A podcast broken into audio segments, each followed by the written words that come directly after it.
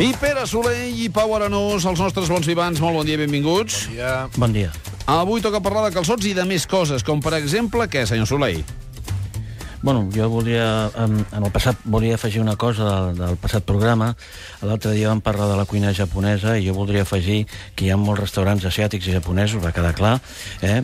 perquè aquesta cuina està de moda, però la, la realitat és que de bons n'hi ha poquíssims. El perquè està clar, la matèria prima que s'utilitza és molt cara i els preus que avui es practiquen en aquests restaurants és impossible donar aquesta bona qualitat. I voldria assenyalar, perquè ho mereix, i deixar-ho ben clar, que el restaurant Koishunka és reconegut com el millor restaurant japonès d'Europa i podria competir amb, amb els millors del Japó. El cuiner propietari d'Eki Matsushita, que vam estar parlant l'altre dia, sí. Matsushita, ha sapigut incorporar, el per què, ha sapigut incorporar productes mediterranis d'alta qualitat i conceptes de cuina moderna que milloren aquesta gran cuina japonesa com a ca cap altre restaurant al món, fent del Koishunka un lloc únic en el món i molt recomanable de visitar. Jo només volia recalcar que el Koishunka és una cosa i els altres restaurants japonesos són una altra cosa. Només volia Mhm. aclarar això.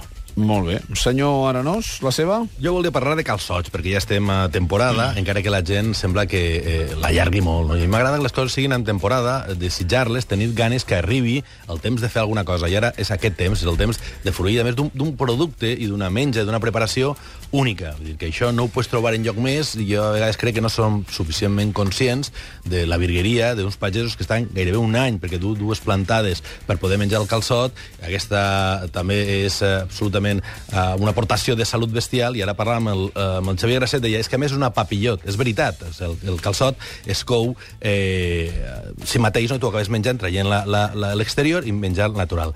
Què no m'agrada de, de les calçotades? Pues a vegades tota aquesta massificació, els preus desorbitats, per menjar uns calçotets has de fer aquests àpats de calçotada enormes, els eh, pitets, els guants quirúrgics, o sigui, convertir una experiència fantàstica en una espècie de, de fireta una mica estranya i marciana. Eh, jo el que he triat avui és un lloc que està fora de les rutes, ni tan sols està a baix, que eh, estan a punt de celebrar la festa del calçot.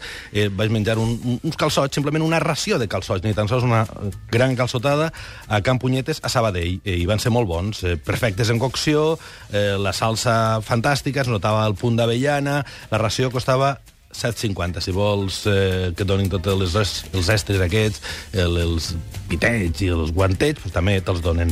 I també aprofite per reivindicar aquesta taverna que té diverses delegacions a Barcelona, Madrid, Figueres i Sort, que jo no conec, però la de Sabadell la du directament un dels fundadors, un dels propietaris, el Carles Recou, i ara que s'ha posat tan de moda el vermut entre els modernets, doncs ells el tenen des del 1981, igual que la brasa. La brasa és tendència, doncs aquesta gent fa molts anys que estan fent aquesta cosa.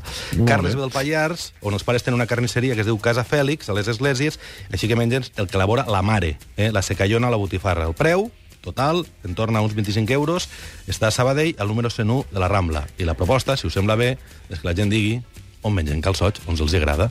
A vostè li interessa menjar calçots, eh, Soler, o no?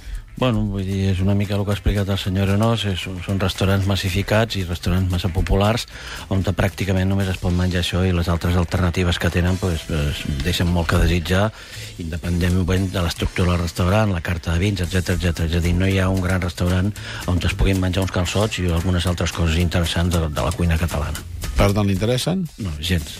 Molt bé.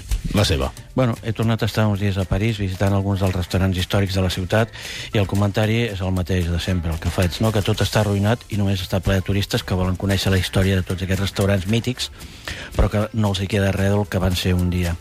Llavors, eh, tots practiquen pro eh, eh, productes d'ínfima qualitat i, per suposat, tot està precuinat i congelat, a punt que és molt difícil trobar un bon lloc per disfrutar menjant, excepte el que seria l'atelier Robuchon, que està considerat per molta gent el millor restaurant de París. Pot, pot ser que sigui el millor, però la realitat és que obren 7 dies a la setmana, fan 200 comensals al dia a 150 euros de promig i fan una caixa diària a 30.000 euros. És un gran negoci, però per arribar a això eh, eh, ho aconsegueixen treballant productes de cost molt baix i practiquen preus de trago, com una pasta amb tòfona negra, 100 euros al plat, o amb caviar xinès, 150 euros al plat. Tot això és bastant ridícul, però ells tenen els clients i omplen cada dia.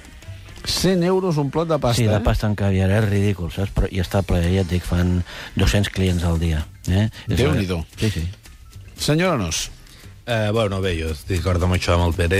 El, bueno, l'última visita va ser a París. Eh, va ser molt decebedora, i en aquesta, l'atelier Robuchon, que és una visita bastant més antiga, la sensació de, de, de còpia... Quin sentit? Eh, Robuchon, que és el tio que té més estrelles Michelin del planeta Terra, un jubilat, que té 20 i algo, eh, es va inspirar per fer aquest atelier, aquesta barra, amb la barra al Piripi, no? una barra alicanti- d'Alacant, perquè ell estiuejava i tenia allà un apartament. un apartament, Altea, sí. Altea, no? I, i, i és això. Entonces, aquesta com, mm, eh, transposició d'una barra d'aquí, duta a París, eh, pues, eh, junta gran quantitat de Ferraris a la porta. Però és veritat que seus i menges, excepte aquest extraordinari puré de patates que el va fer internacionalment famós, que és una mantega a punta pala, però que és bo, Sí, sí. Eh, no Sí. n'hi ha un, un, un interès especial. Senyors, hem de fer una petita pausa d'un minut perquè arribarem al punt horari de dos quarts de dotze del migdia, però després en faltarà una per cada un. Una d'Arenós i una de Soleil per completar els bons vivants d'avui. Com dèiem, pausa d'un minut i tornant de seguida al matí de Catalunya Ràdio a la Ràdio Nacional de Catalunya.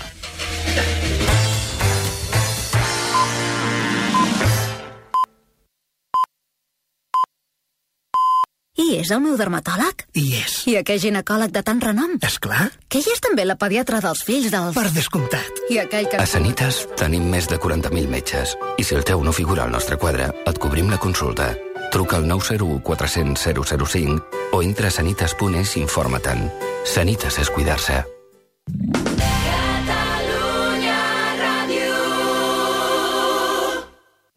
hope, I hope. Ai, que vindrà aquest dijous un príncep blau als optimistes. M'encanta. Optimistes, no us perdeu el programa d'aquest dijous. Amb el compositor de la banda sonora de la pel·lícula Blancanieves, l'Alfonso de Villalonga. Segueix-nos també a facebook.com barra els optimistes, al Twitter els optimistes, a l'APP de Catalunya Ràdio o a catradio.cat. I si voleu venir a concursar els optimistes, envieu un correu electrònic a elsoptimistes arroba catradio.cat. Qui són els més bonics del regne? Digue-m'ho tu, Mirall Mirallet. La còpula. El matí de Catalunya Ràdio. Doncs anem a parlar amb en Xavi de Vall-llobrega. Xavi, molt bon dia. Bon dia. Per parlar-nos de calçots. Bueno, diu que truqueu a la gent que puguin, que a veure on se mengen uns bons calçots. Sí, I, bueno, aquí hi ha un restaurant a Vall-llobrega que se'n diu a Can Zidro, que, bueno, fan el menú del calçot ara que és la temporada i es mengen uns calçots estupendos. molt bé. Doncs uh, l'anotem. I estic, estic, no estic amb, amb acord amb aquest senyor que diu que ja se mengen calçots, després tot l'altre no... Bueno, aquí fan unes, uns guisats i una brasa eh, fenomenal. Molt bé, doncs l'apuntem. Moltíssimes gràcies per trucar.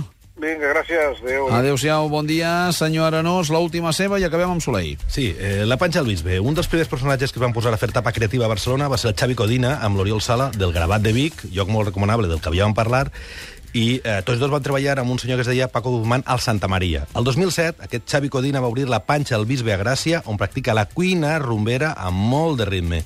La panxa al bisbe pren el nom d'una muntanya a Montserrat. Cuina rumbera? Cuina rumbera. Cuina rumbera, alegria, Però taca, taca, taca, taca. Que, sí, va, va, tu tens alegria. Vas allí i fas unes palmes, tu. Ja. I eh, eh, la Panxa del Bisbe eh, pren el nom d'una muntanya a Montserrat perquè el xef practica l'escalada. Està al número 37 del carrer Rabassa i el preu eh, al voltant de 25 euros. A mi m'agrada molt el capipota amb sípia taperons.